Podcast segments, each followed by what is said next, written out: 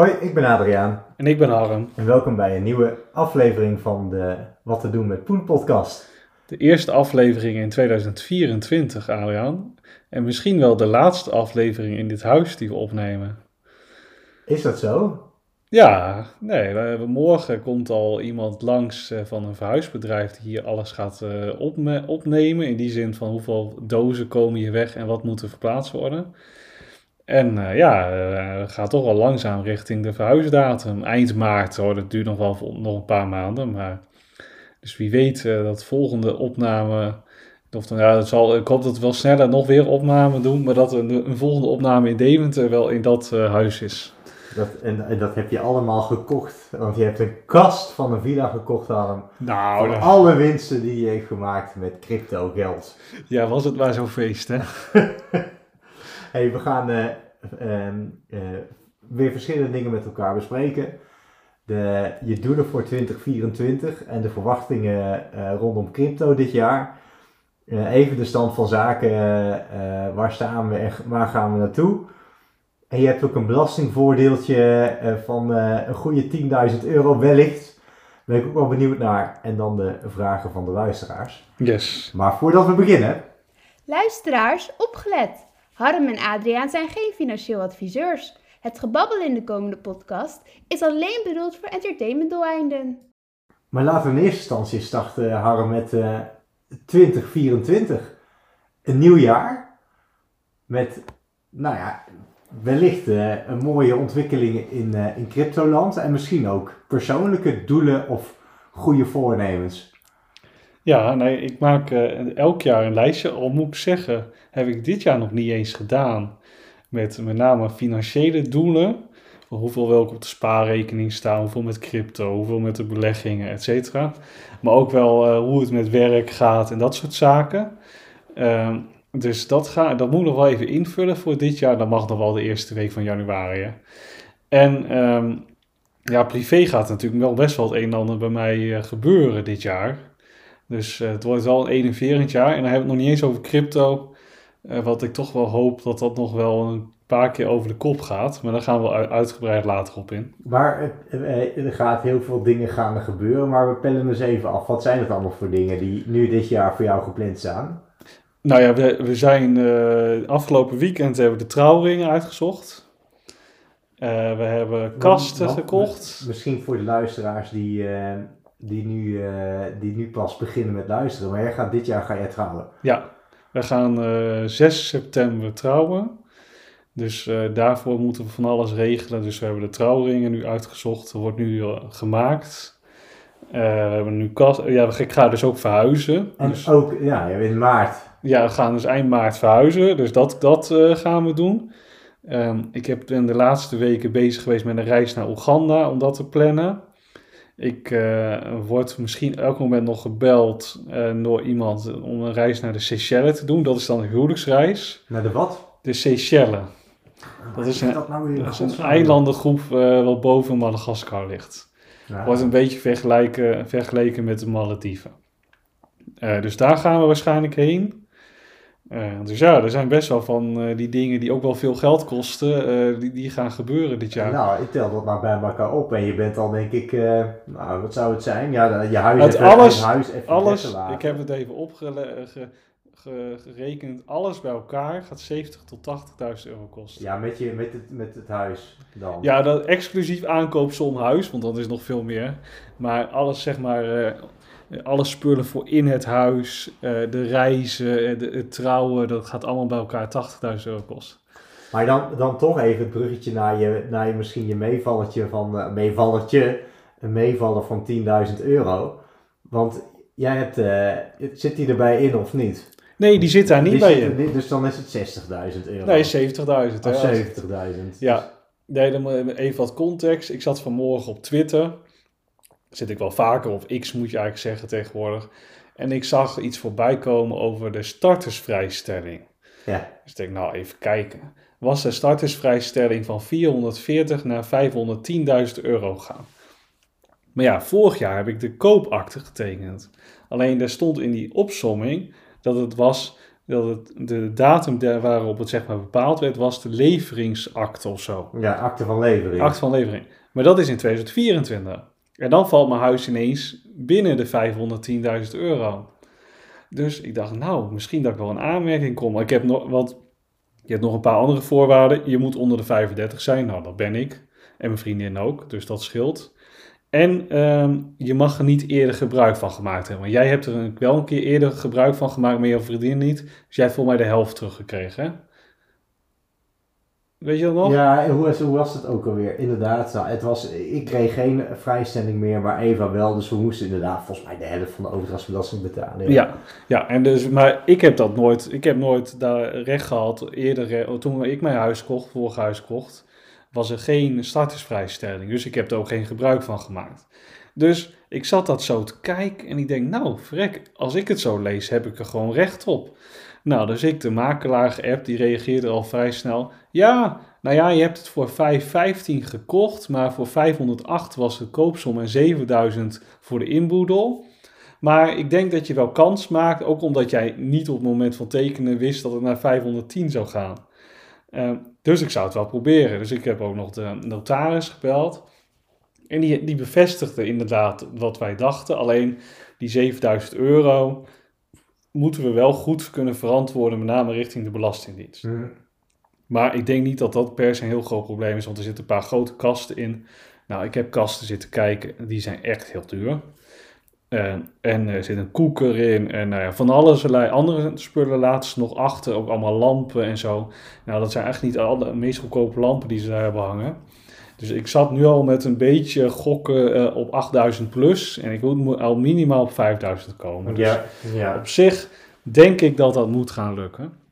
Maar dat zou eh, 10.000 euro even schelen op de Nou, dat is overdrachtsbelasting. een mooie meevaller. ja, dus eh, nou, dat is wel de moeite waard om even in te duiken in elk geval. Ja, voor de luisteraars die misschien nu ook een huis hebben gekocht en, eh, en dit jaar passeren en vorig jaar hebben gekocht. Nou, Ja. kijk nog even goed eh, of je dan ook eh, nou ja, een bepaald bedrag eh, voor je huis net onder die vrijstelling komt. Ja, en het is ook als je een huis aan het zoeken bent, dan zou je ineens wel je budget iets omhoog kunnen schroeven, omdat je dus dan eh, daar rekening mee kan ja, houden. maar dat doen ze altijd wel tactisch hoor. Dat, dat, daar, heel veel vragen, oh, heel veel huizen, let maar op, die worden op funda aangeboden net onder die o- vrijstelling. Of het is een Nou, het is met name is dat, de, het is met name de NHG-grens. Maar die zit op 400 nog wat of zo. een Heel, eh, 405 of zo, geloof ik.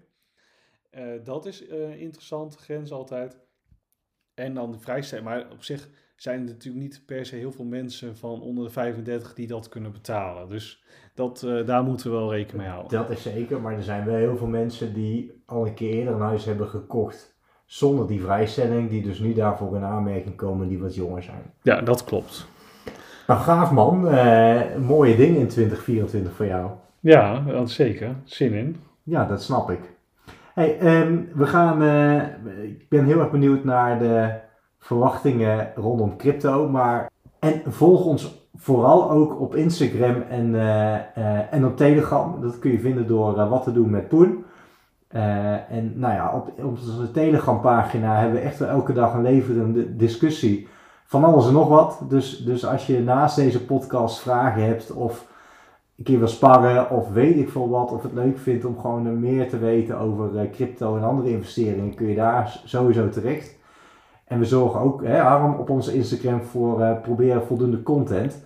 En wat ook leuk is, is dat wij een levendige portefeuille hebben, waarin we elke twee, drie weken vragen aan onze Nee, luisteraars. elke week. Elke week. Kijk, elke week vragen aan onze luisteraars hoeveel geld ze in, of op welke munt we geld gaan inleggen. Eh, maar daar gaan we zo meteen ook nog even over hebben. Maar ik ben vooral benieuwd, Harm, 2024, een nieuw jaar. Wat gaat crypto dit jaar doen?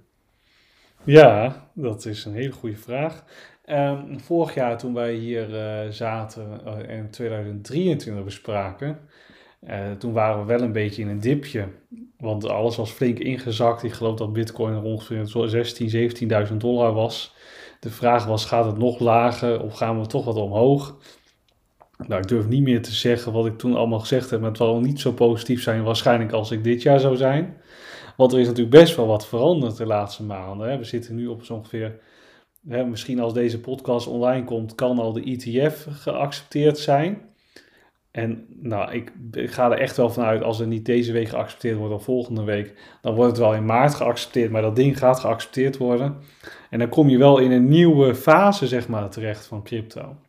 En is dat dan ook meteen de start van de bull market? Of echt de aanswenger van de bull market? Nou ja, eigenlijk hè, kun je zelfs zeggen van, we zitten al een jaar in de bull market. Want we komen, zoals ik al zei, van 16.000, 17.000 dollar vorig jaar af. En we zitten inmiddels al op, uh, nou, we, gisteren was het uh, 45.000 dollar. En nu zit het dan op 43.000 nog wat. Dus we zijn al uh, zo'n beetje keer drie bijna gegaan. Uh, dus de boelmarkt is eigenlijk al wel bezig. Maar je ziet altijd met die boelmarkten. Het eerste jaar gaat redelijk omhoog. Het tweede jaar ook wel. En het derde jaar is echt knallen. En dan heb je een blow-off top. Hè. Dan gaat het heel hard omhoog. Maar dan gaat het daarna ook heel hard naar beneden. Um, en dit is eigenlijk het tweede jaar waarin we dus en die spot Bitcoin ETF hebben en de halving tegelijkertijd. En het gaat economisch nog best wel goed. En dan ook, wat mensen ook niet uh, moeten vergeten, je hebt dit jaar Amerikaanse verkiezingen. En altijd in een jaar van Amerikaanse verkiezingen gaat het met de markten traditioneel goed. Dat is al uh, tig jaar het geval. En dat komt omdat de presidenten en zo van Amerika er heel veel belang bij hebben dat de economie goed gaat draaien. Dus pompen er heel veel geld in. Eh, omdat als de economie slecht gaat, dan, worden ze, dan verliezen ze de, de verkiezingen. Eh, dus ja, dat soort, dat, alle dat soort elementen kunnen er echt voor zorgen dat we echt een uh, geweldig jaar tegemoet gaan.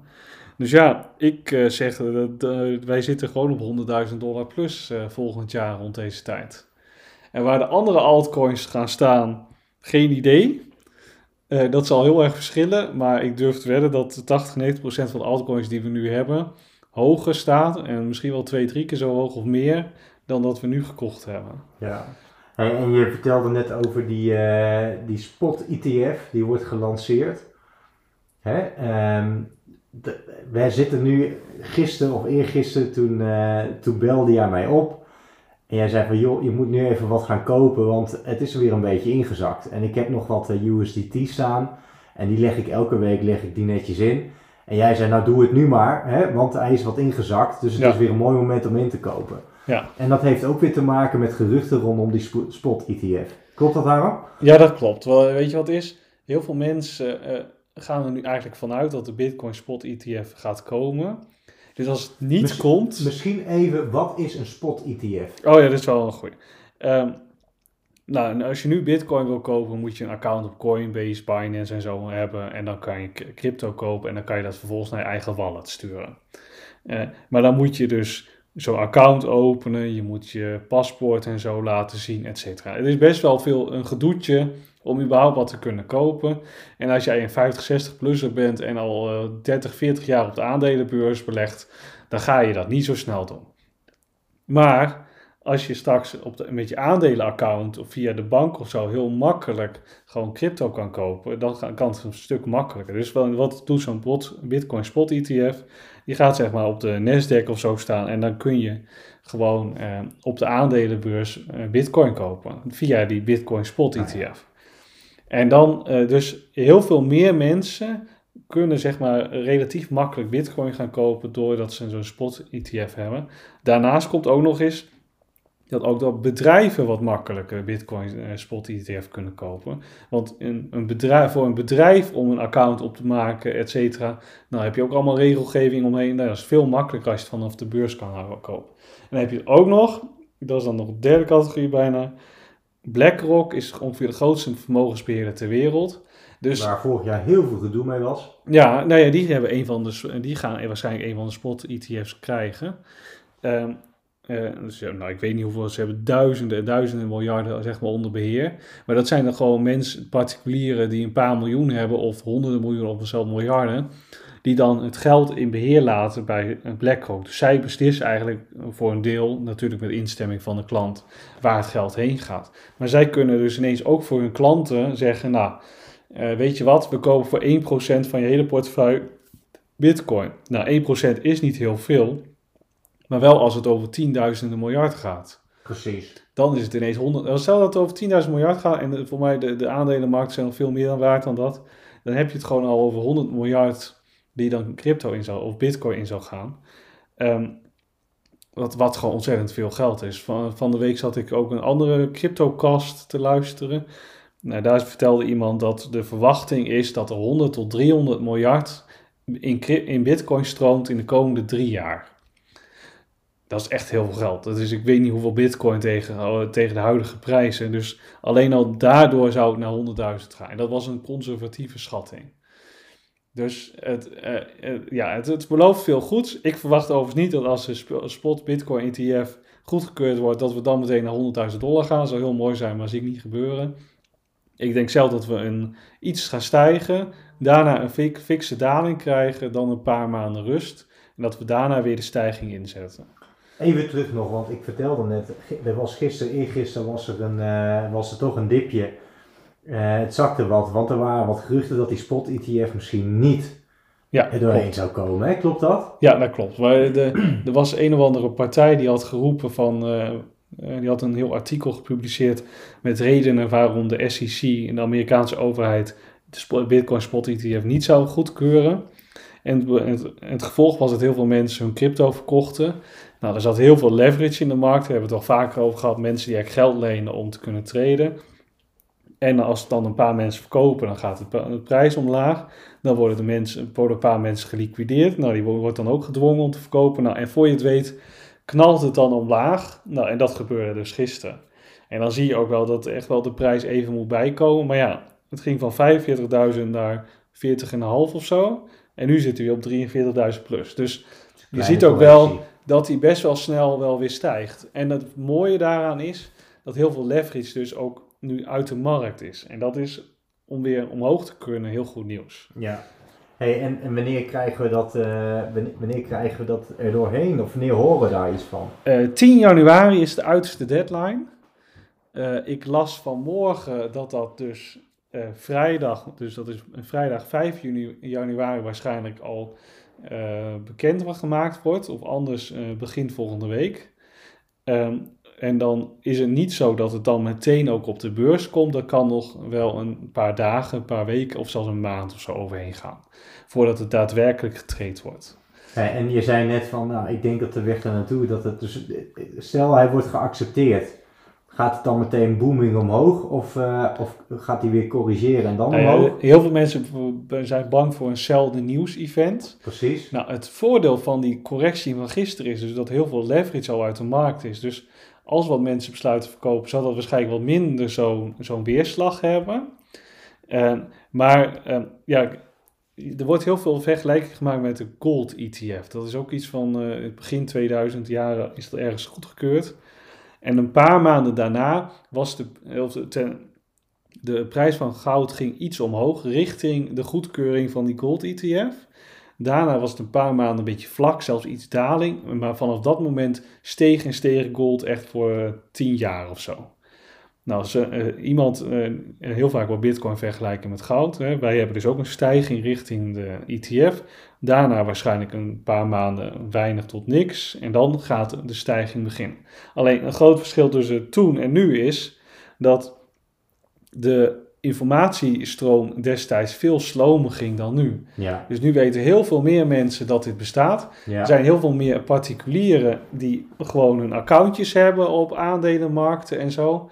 Eh, dus dat die, die, het hoeft niet zes maanden of tot een jaar te gaan duren voordat de prijs gaat stijgen. Sterker nog, eh, als Bitcoin gewoon gaat stijgen, uiteindelijk de beste reclame voor Bitcoin is een stijgende Bitcoin. Ja, zo simpel is het. ja. Dus als Bitcoin er snel bo- boven de 50.000 dollar komt en dan gaan eh, al die bedrijven die die spot-ETF's hebben, die gaan nog reclames maken, wat ze nu al doen. Hè. Ze maken gewoon reclame om bij hun ETF eh, Bitcoin te gaan kopen. Ja, dan, dan, dan je, weet, eh, je, je weet gewoon niet wat er op ons afkomt. Hey, en eh, wat gaat het dan, want bitcoin gaat dan flink stijgen. Ja. Maar en gaan de als dan ook mee? Of hoe, eh, kun je daar iets over vertellen? Ga, en gaan de als dan weer sneller of minder snel dan bitcoin? Of, of gaat eerst bitcoin dan de als? Ja, in principe zal, omdat nu natuurlijk heel veel aandelenmensen kunnen wel bitcoin kopen, maar niet andere altcoins. Dus het is denk ik niet zo van, nou, een bitcoin stijgt 10%, dan zullen de alts wel 30% stijgen. Dat geloof ik niet zo. Maar het is on, tegenzeggelijk waar dat het goed is voor de hele cryptomarkt. Ja, Dus als, als bitcoin naar de 70, 80.000 dollar gaat, gaan ook de altcoins weer naar een oude all-time highs toe. ja, Dat kan bijna niet anders. En natuurlijk eh, is wel verschil, we hebben het ook al vaker over gehad. Het is niet zo dat de vorige boeren, dat, dat, die- dat al die all-time highs weer gehaald worden. Ook al zit er straks meer geld in de cryptomarkt. Er zijn ook nieuwe coins die opkomen, die weer veel hoger kunnen komen. ja. Maar gemiddeld gezien zal het echt wel... eh, Maar geeft dit dan, eh, je zou dan kunnen zeggen, dan ga ik nu lekker veel in bitcoin eh, investeren en ik laat de alts even links liggen. Maar dat maakt dan niet zoveel uit. Zeg Nee, je. dat, dat denk ik niet. Weet je wat het is? Ehm, het is ook maar net wat je wil. Hè? Kijk, als jij, als jij heel veel geld hebt en je wil graag dat geld verdubbelen, maar wel relatief safe zitten, ja, dan moet je gewoon bitcoin kopen. Maar als jij met een paar duizend euro een ton wil maken, dan moet je geen bitcoin gaan zitten kopen. Dan moet je echt met wat kleinere alts gaan zitten of gewoon in alts als Chainlink en zo, die wel iets groter zijn, maar die nog wel de potentie hebben in theorie om keer 10 te gaan. Eh, dus ja, het is ook maar net eh, wat je wil. Nou, eh, maar we gaan we in 2024 een nieuwe all-time high bitcoin halen, Harm? Ja, ja, dat durf ik te zeggen. dat durf jij te zeggen. Ja, dat durf ik te zeggen. Even, eh, nu ben ik dit, dit aan het woord. Wat denk jij, Adriaan, als jij alles, al dit allemaal zo hoort? Ik, eh, ik, eh, ik, wil het, eh, ik, wil het, ik wil het wel eens zien. Ik ben heel erg benieuwd ehm, ehm, of het gaat lukken. Ik hoop het. Laat ik het maar gewoon hopen. Maar ik, ik, soms is het ook in mijn ogen eh, niet te voorspellen. En dan denk je dat het zo gaat en dan gaat het weer een andere kant op. Ja, nee, ik snap je gevoel. Ik snap heel goed je gevoel. Ja. Maar ja, jij zit nu zo'n beetje op het portefeuille niveau van wat ik zat de vorige boeren rond deze tijd. En ik ben naar 2, 3 ton zo'n gegaan. Ja. Eh, en eh, ja, het is afwachten of jou dat dan ook gebeurt. Nou, het is wel leuk, Harm, hè? want, want eh, ik heb ook nog wat eh, geld achter de hand, zeg maar. De overwaarde van mijn huis een, een stukje en ik heb mijn auto verkocht. Eh, ja, en om, om het op de bank te laten staan is ook zonde. Dus we hebben wel eens gesprekken gehad van, goh, wat, waar kan ik dat nou het beste in gaan investeren? Gooi ik alles in crypto of, of doe je dat niet? En, en kijk, als, als het allemaal zo gaat zoals je vertelt, dan zou je zeggen, nou, gooi al je spaargeld Ja. eh, in crypto. En eh, halleluja, eh, je bent eh, aan het einde van het jaar miljonair. Ik zeg maar wat. Maar tegelijkertijd ben je ook, als we met elkaar aan het praten zijn, ook wel realistisch. En dan zeg je ook van, nou, doe dat vooral niet. En maak ook een goede verdeling. Ja. En dan denk ik, ja, eh, Wat is het nu? Wat is het nu? Ja, Ga je ervoor of ga je er niet voor? Of, ehm, ja, het is natuurlijk altijd een gok. ja nee, maar kijk, er, er bestaan gewoon geen garanties. Eh, je weet maar nooit, eh, als, als, als er weer een nieuwe pandemie komt of weet ik veel wat, of ehm, er komt straks een Amerikaanse president die bitcoin wil gaan verbieden, of weet ik veel wat. Er kan van alles gebeuren waardoor het niet gaat zoals gepland. En dan moet niet je leven eronder gaan lijden. Ehm, dus Precies. Eh, en, en dat is altijd de afweging. Kijk, eh, eh, wat ik, als ik mezelf ook zo terughoor en, en dan beluister ik allemaal zeg, dan denk ik ook van ja, waarom ga je dan niet zelf 100% in? Precies. ja. Omdat, maar precies om die reden, omdat het niet, het, het is geen garantie. Nee. Het is echt geen garantie. En eh, uiteindelijk, eh, mijn hele, zo'n beetje 70, 80 procent van al het geld dat ik heb, zit gewoon in crypto. Hè? Maar een heel deel ook niet. Juist omdat als het misgaat, ik niet per se in de problemen kom.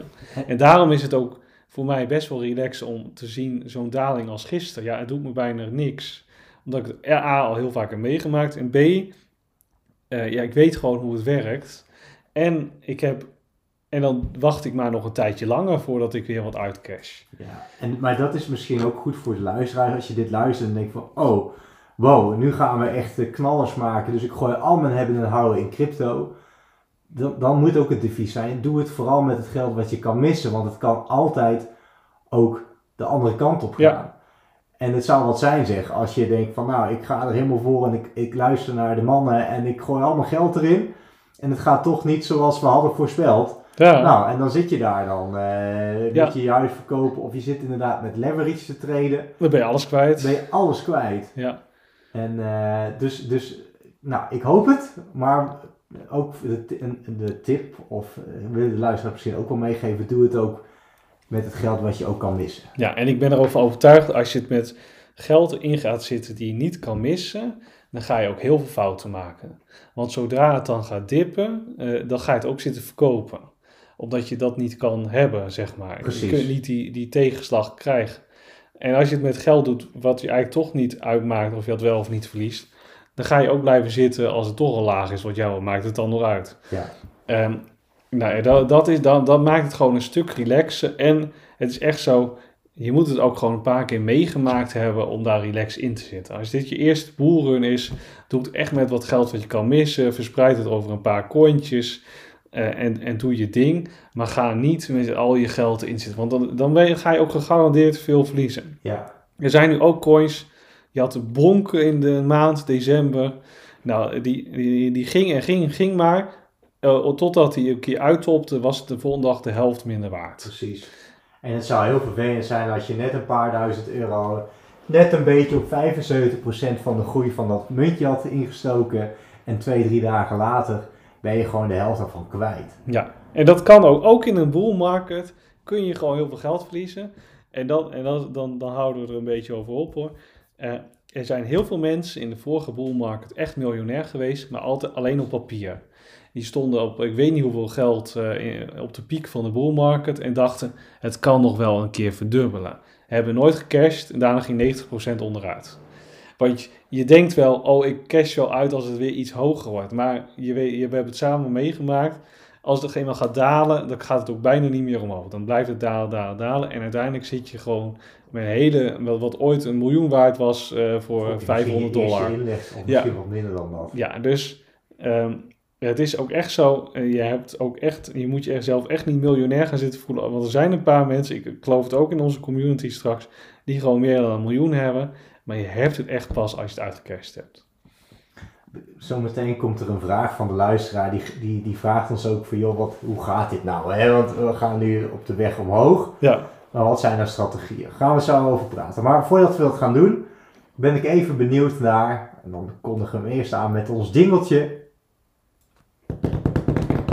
De balans. de stand van zaken van onze portefeuille. Waar staan we op dit moment op? Ja dat, dat heeft wel even iets meer uitleg nodig. Want we staan nu op 18.000 euro. Hier, met, met een inleg van, Eh, ongeveer 8.500 euro. dat is dus keer 2, Ja, ruim Twee. keer twee. En eh, eh, ja, maar dat is niet het hele verhaal. Ik heb ook nu 1000 euro uitgecashed. oh, dus met een, met een inleg van, Ja, dan is het eigenlijk 7,5. 7000, 7,5. Dus, eh, ehm, dus dat is zeg maar het verhaal. En ehm, ik, ik stond op 1600 euro, had ik zeg maar um, uitgecashed. Of tenminste, dat stond op de euro saldo, hoe heet dat dan. Eh, maar toen met die dip heb ik voor 600 euro nog coins gekocht. Ik kon niet laten. Dus ik heb eh, de coins gepakt die het meeste even ingezakt waren. En waarvan ik wel een diffusie had van, nou dat gaat nog wel weer goed komen. Heb ik overal nog 100 euro ingeknald. Dus, eh, dus dat. Ehm, en ja, je merkt toch wel, ik heb best wel veel van Solana afgehaald. Met name toen die richting 120 dollar ging op een gegeven moment. Toen dacht ik wel van, nou, dit gaat me te, te hard.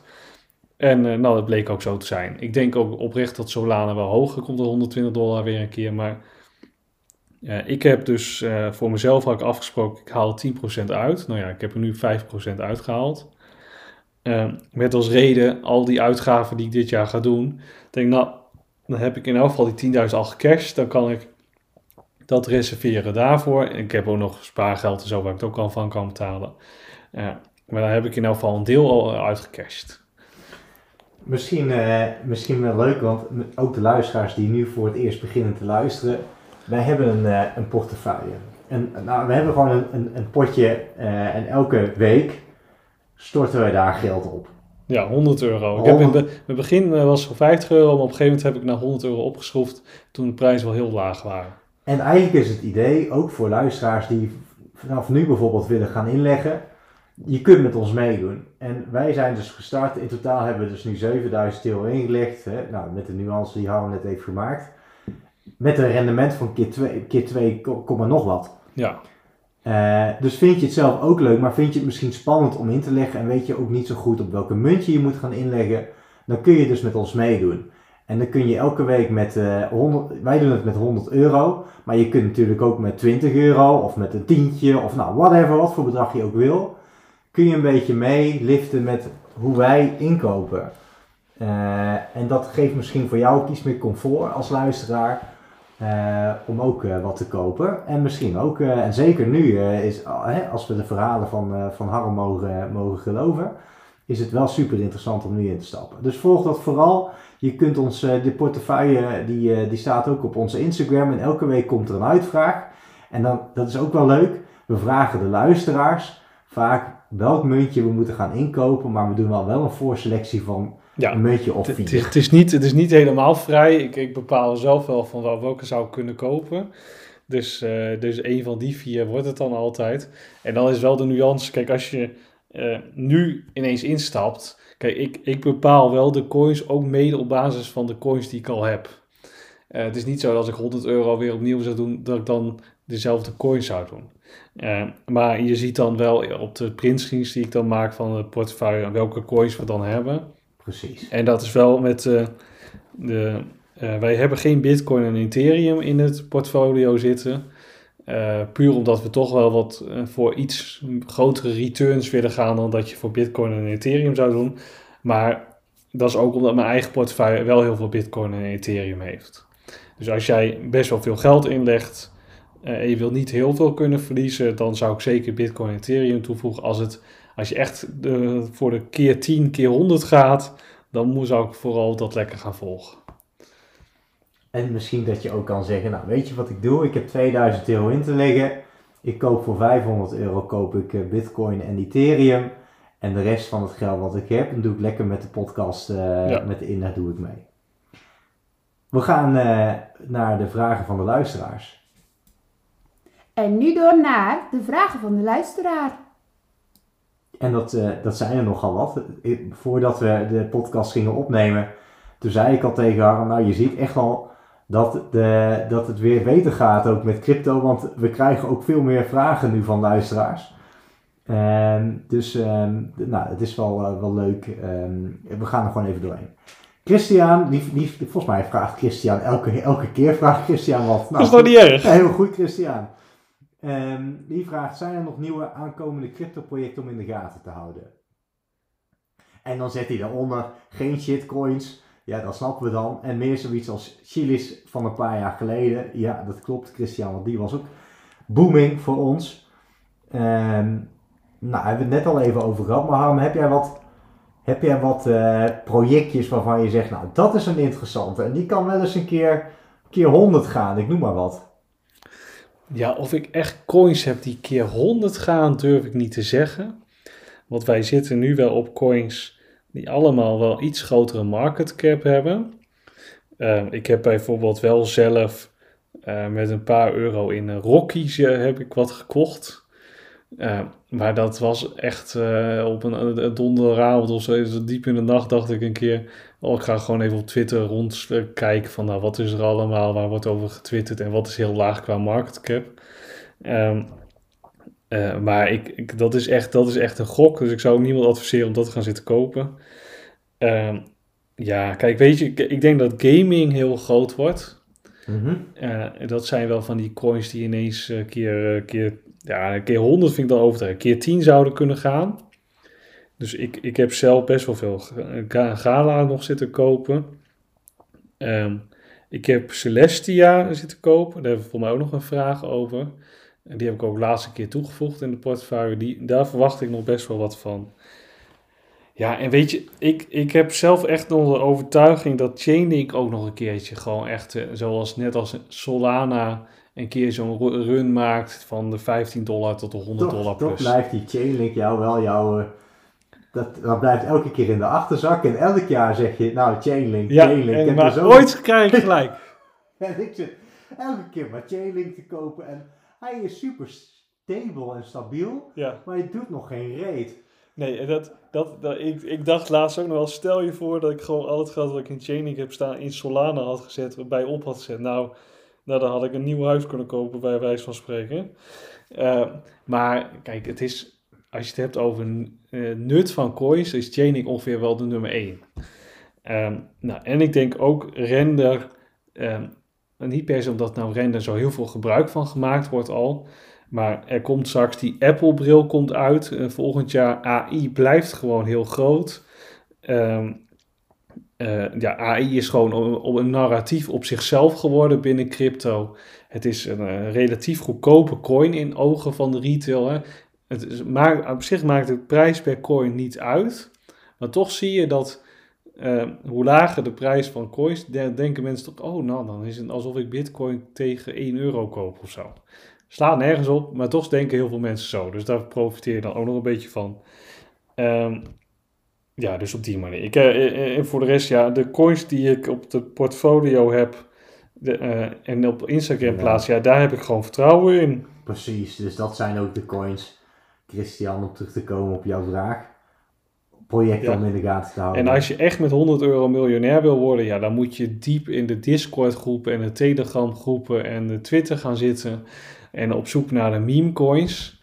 Ja, ik heb het trouwens laatst echt kapot gelachen om een, om een filmpje van uh, Crypto Bente, mag wel even tussendoor hè.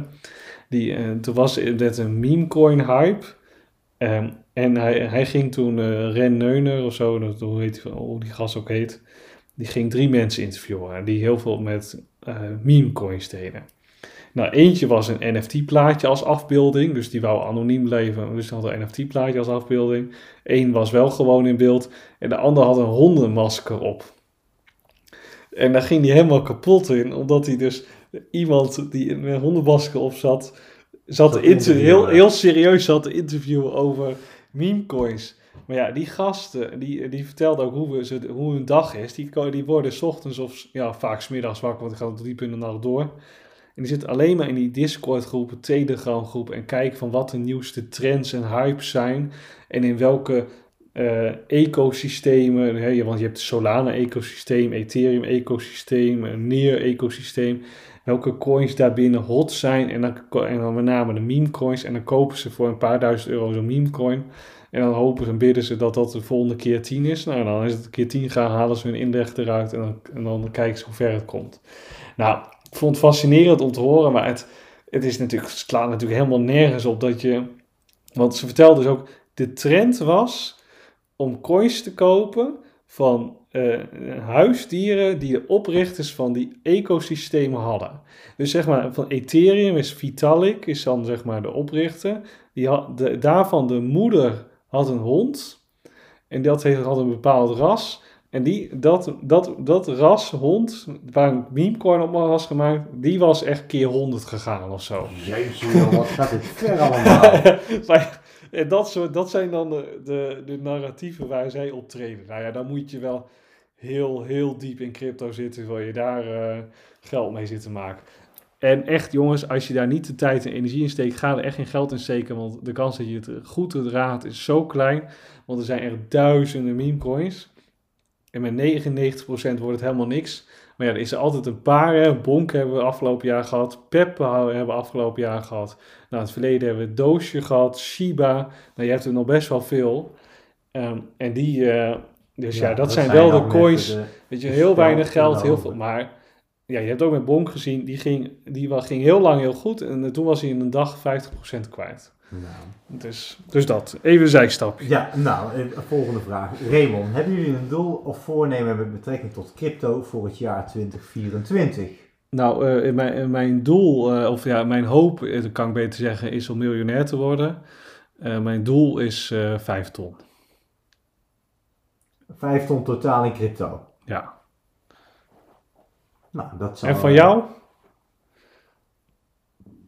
Eh nou, ik hoop uh, dat ik, ik, ik zou ontzettend blij zijn. Wacht, ik, ik haal het er even bij, want ik, ik schrijf dus wel wat jij, waar jij mee begon. Mijn goede voornemens voor 2024. Daar zet ik, ja, daar zet ik ook uh, wat over financiën, zet ik daar oh, op een lijstje. En ik zou het, ja, ik, ik heb hier staan 75.000 euro aan het einde van, van 2024. Oké. Okay. Uh, maar dan in totaal. Maar ja, dat, daar zit ik al bijna op. dat is niet heel erg maar nou, ambitieus. Maar zou ik het dan anders zeggen? Ik zou het mooi vinden. Ik heb nou ongeveer 20.000 euro in crypto. Als dat. Laat ik gewoon. Laat ik, ik hoop dat er een ton. Dat, dat een ton is aan het einde van het jaar. Dat zou, dan zou ik blij zijn. Ja. En dan, want ik vind het wel grappig, hè, want, want ik, ik heb dus ongeveer t- 5 tot 10 procent uitgecashed. En jij zei meteen, oh, moet ik ook uitcashen?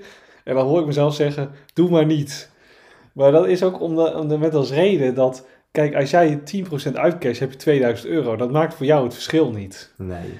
Ehm, dus kan je beter laten staan. Maar voor mij is het meteen weer 10, 20.000 euro. Waarbij ik gewoon eh, zo'n huwelijk kan betalen. Eh, en dan is het ineens wel weer. Dus het, er hangt er best wel van af hoeveel groot je portefeuille is. Hoe je dat dan doet. En ja, en ik denk echt dat, eh, dat het gewoon in zit. Ja, oprecht. We gaan naar. eh, ja, ik, vind het, ik vind het interessant. Maar we gaan naar Ilona. Ze heeft nog een vraagje. Met- Heb ik een vraag van haar gemist? Misschien komt die zo. Ik heb wat geïnve- geïnvesteerd in Celestial. Nou, Celestial, dat is, bestaat niet. Celestia. Celestia. Nou ben ik meestal niet van de nieuwe dingen. Nu staat hij op wat winst. Nou, hebben we het net over gehad. Wat zal ik doen? Alles eruit halen? Of alleen het geïnvesteerde en kijken wat de winst doet? Of alles er weer, of alles er weer uithalen? Beginnerstwijfel. Ja, kijk, eh, maar dat is dus echt wat, wat, wat ik net al vertelde. Het maakt best wel veel uit hoe groot je portefeuille is. Als het nou een paar honderd euro is. Ja, maar dat kan voor iemand best wel veel geld zijn. Hè? Dus daar moeten we ook niet eh eh, lullig over doen. Ehm, ja, kijk, ik zou nooit alles in één keer verkopen. Want eh, je zult altijd zien dat als je het, zodra je een coin verkoopt voor 100%, dat die, eh, dat die een week later verdubbeld is. Eh, dus het is mij regelmatig overkomen in het verleden en dan voel je toch best wel kut. Dus wat ik doe, en ik, heb ik ook met die 10% gedaan. Sommige coins heb ik 20% verkocht, sommige coins echt niks. En andere coins voor 5%. Maar ik heb niks helemaal verkocht. Nou, in het verleden wel af en toe, maar dan moet je wel heel zeker zijn dat een coin echt helemaal niks is. Eh, maar in principe, hoe ik het doe, is gewoon per bepaald level verkoop je een paar procent. En nooit helemaal. En, eh, en dan kan je altijd nog voor kiezen. Stel je, je cash 10% of je, je verkoopt 20% van je, van je coins. Dan 10% haal je naar je bank toe en 10% haal je op je crypto om te kunnen, bij te kunnen kopen als je zo'n dip hebt zoals gisteren. Ja, Want het is helemaal niet slecht om wat geld achter de hand te hebben voor dat soort dips. maar dan is het voor Ilona nog best wel lastig. Hè? Want zij heeft natuurlijk geen weet waar Celestia naartoe gaat.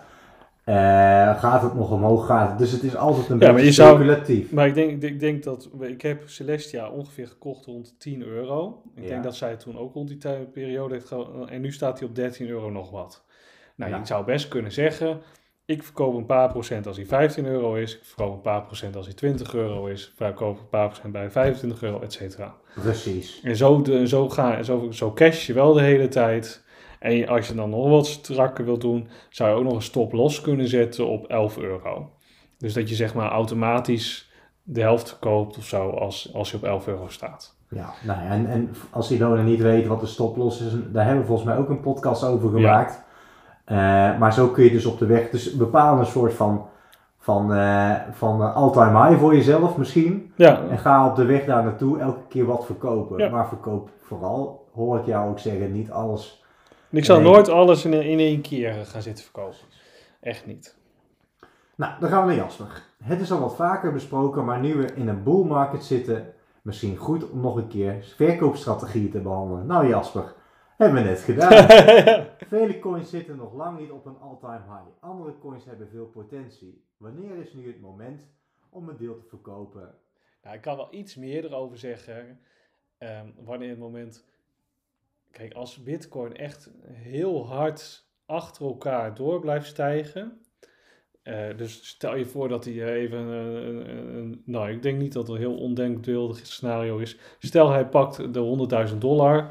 en stijgt in de weken daarna door naar de 150.000 dollar. In een, echt maar een week of twee tijd. Ja, dan weet je wel dat je redelijk richting het einde gaat van de bull market. Dan zou ik er wel een grotere percentage uithalen dan nu. Dus dat is wel iets om in overweging te nemen.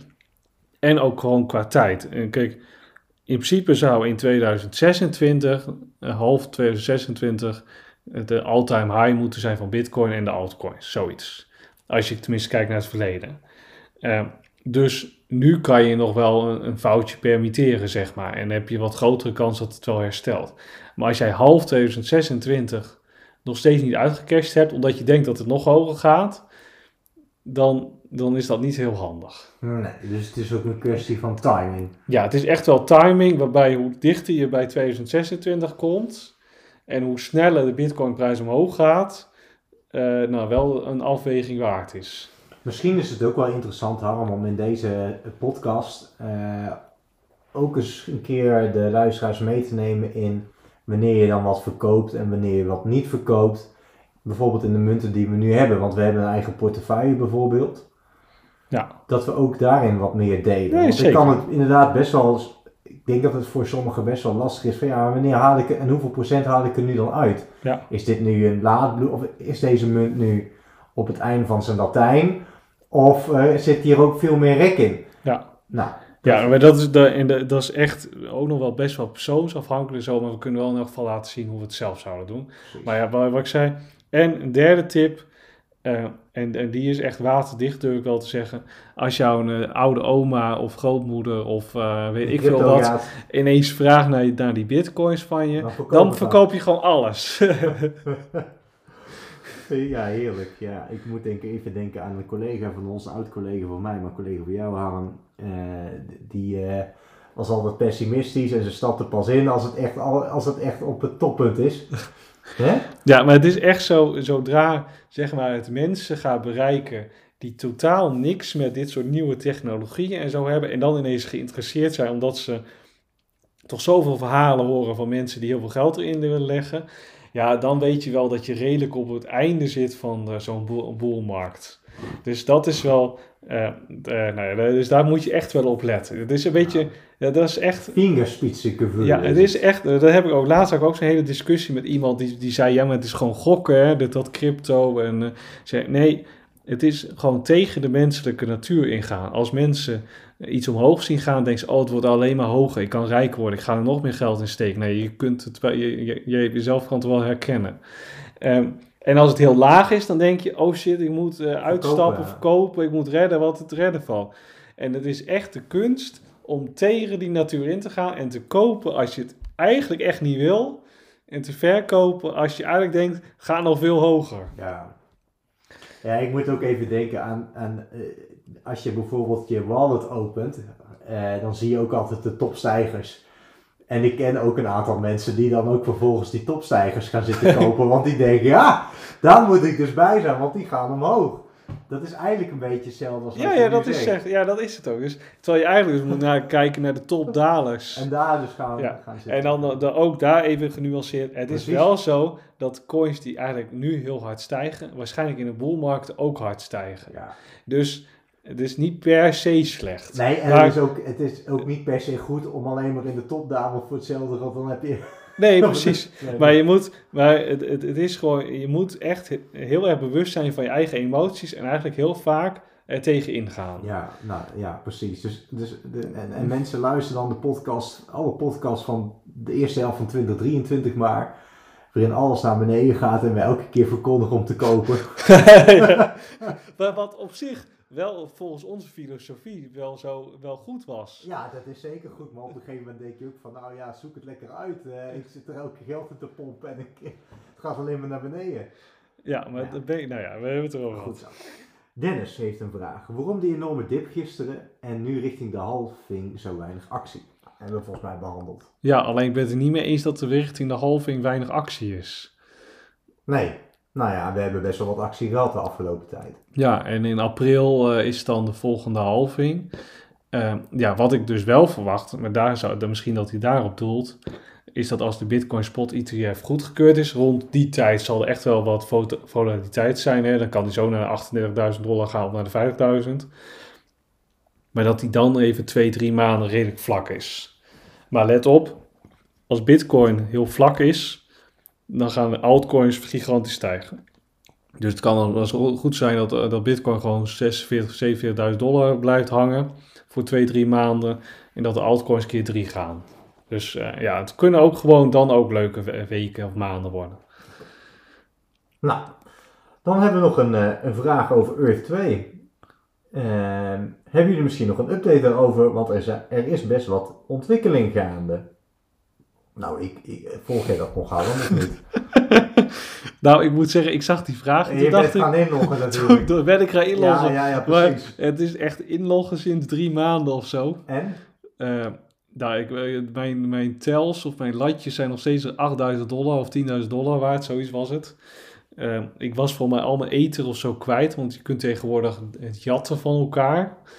Eh, maar ja, het zegt al heel veel dat ik het nauwelijks weet. Dus eh, we, we, we hebben ons ooit geprogrammeerd als we de deskundige op Ur 2 vlak. Eh, ik, ja, dat zijn we gewoon niet, punt. Daar kunnen we heel eerlijk over zijn. Ik denk wel, nog steeds, want ik zag wel nog hoeveel activiteit er was. Want dat, je, je, je ziet zeg maar wat er allemaal gebeurt nog. Ja, het is wel zo'n spel wat ineens toch ineens weer heel groot kan worden. Dus En we dan moeten het ook blij niet... dat je er een paar duizend euro in had. Precies. Dus we, we moeten het ook niet, we kunnen het ook niet helemaal uitvlakken. Dus het is niet dat ik nu denk van, nou ik ga nu uitzoeken hoe ik alles kan verkopen. Je weet maar nooit. Maar er is best wat ontwikkeling gaande, zegt Ger, Co Ger Codeelstra. Ja, nee, dat... eh, Is het wel? Ik weet het nou niet. je kunt nu dus dingen van elkaar jatten. Volgens mij kun je ook op een of andere manier drones kopen en zo. Ja, ik, ik, weet, ik weet het gewoon niet precies. Ik kan, ik kan er niet veel over zeggen. Nou, dan de, tot slot. eh, Dave, die vraagt eh Coinos. Wat vinden jullie van deze munt? Eerste free-to-use blockchain. Ik zou het niet weten. Coinos. Dat, eh, ken, ken je die munt? Nee, nee. Nou, Ja, nou, er, nou, zijn, er, zijn, dus niet. er zijn duizenden coins. Ik weet niet alles. Nou, helaas Dave. En daarmee zijn we weer aan het einde gekomen van deze podcast, Harm. Ja. Heb jij nog afsluitende woorden? Misschien, we hebben überhaupt de luisteraars beste wensen gewenst. Nou, dus laten we de luisteraars vooral veel eh, geluk wensen in 2024. Gezondheid. Gezondheid bovenal, want dat is misschien nog wel het belangrijkste. De, de absoluut. En daarnaast hopelijk veel geluk ook eh, met de investeringen die ze doen. Nou, maar, maar geluk welke die noemen, want ik durf eh, Oh, eigenlijk ja. iedereen die eigenlijk de laatste jaar geïnvesteerd hebben, echt wel, eh, nou, knap. Ik vind het heel knap, oprecht knap, dat je gewoon bent blijven investeren, ondanks dat je in het rood kwam, want er zijn echt wel veel mensen die echt veel verloren hebben virtueel. Dus eh, ik vind het eigenlijk gewoon eerder een beloning voor hun werk wat, en hun inzet en hun, hoe zeg je dat, vastberadenheid, dan dat het geluk is dat je misschien geld maakt dit jaar. Want ik zou het echt, dat is niet geluk. Het is ook gewoon vastberadenheid en gewoon eh, onderzoek doen. Wat ook onderzoek doen is naar dit soort podcasts luisteren. Dan is het geniet vooral van je, van je winst. Van je virtuele winsten. En vergeet er niet om af en toe om te zetten in echte En winsten. van te genieten. En ook nog een beetje te genieten van het leven. Eh, nou, dan gaan we die woorden eruit. Tot ziens, luisteraars.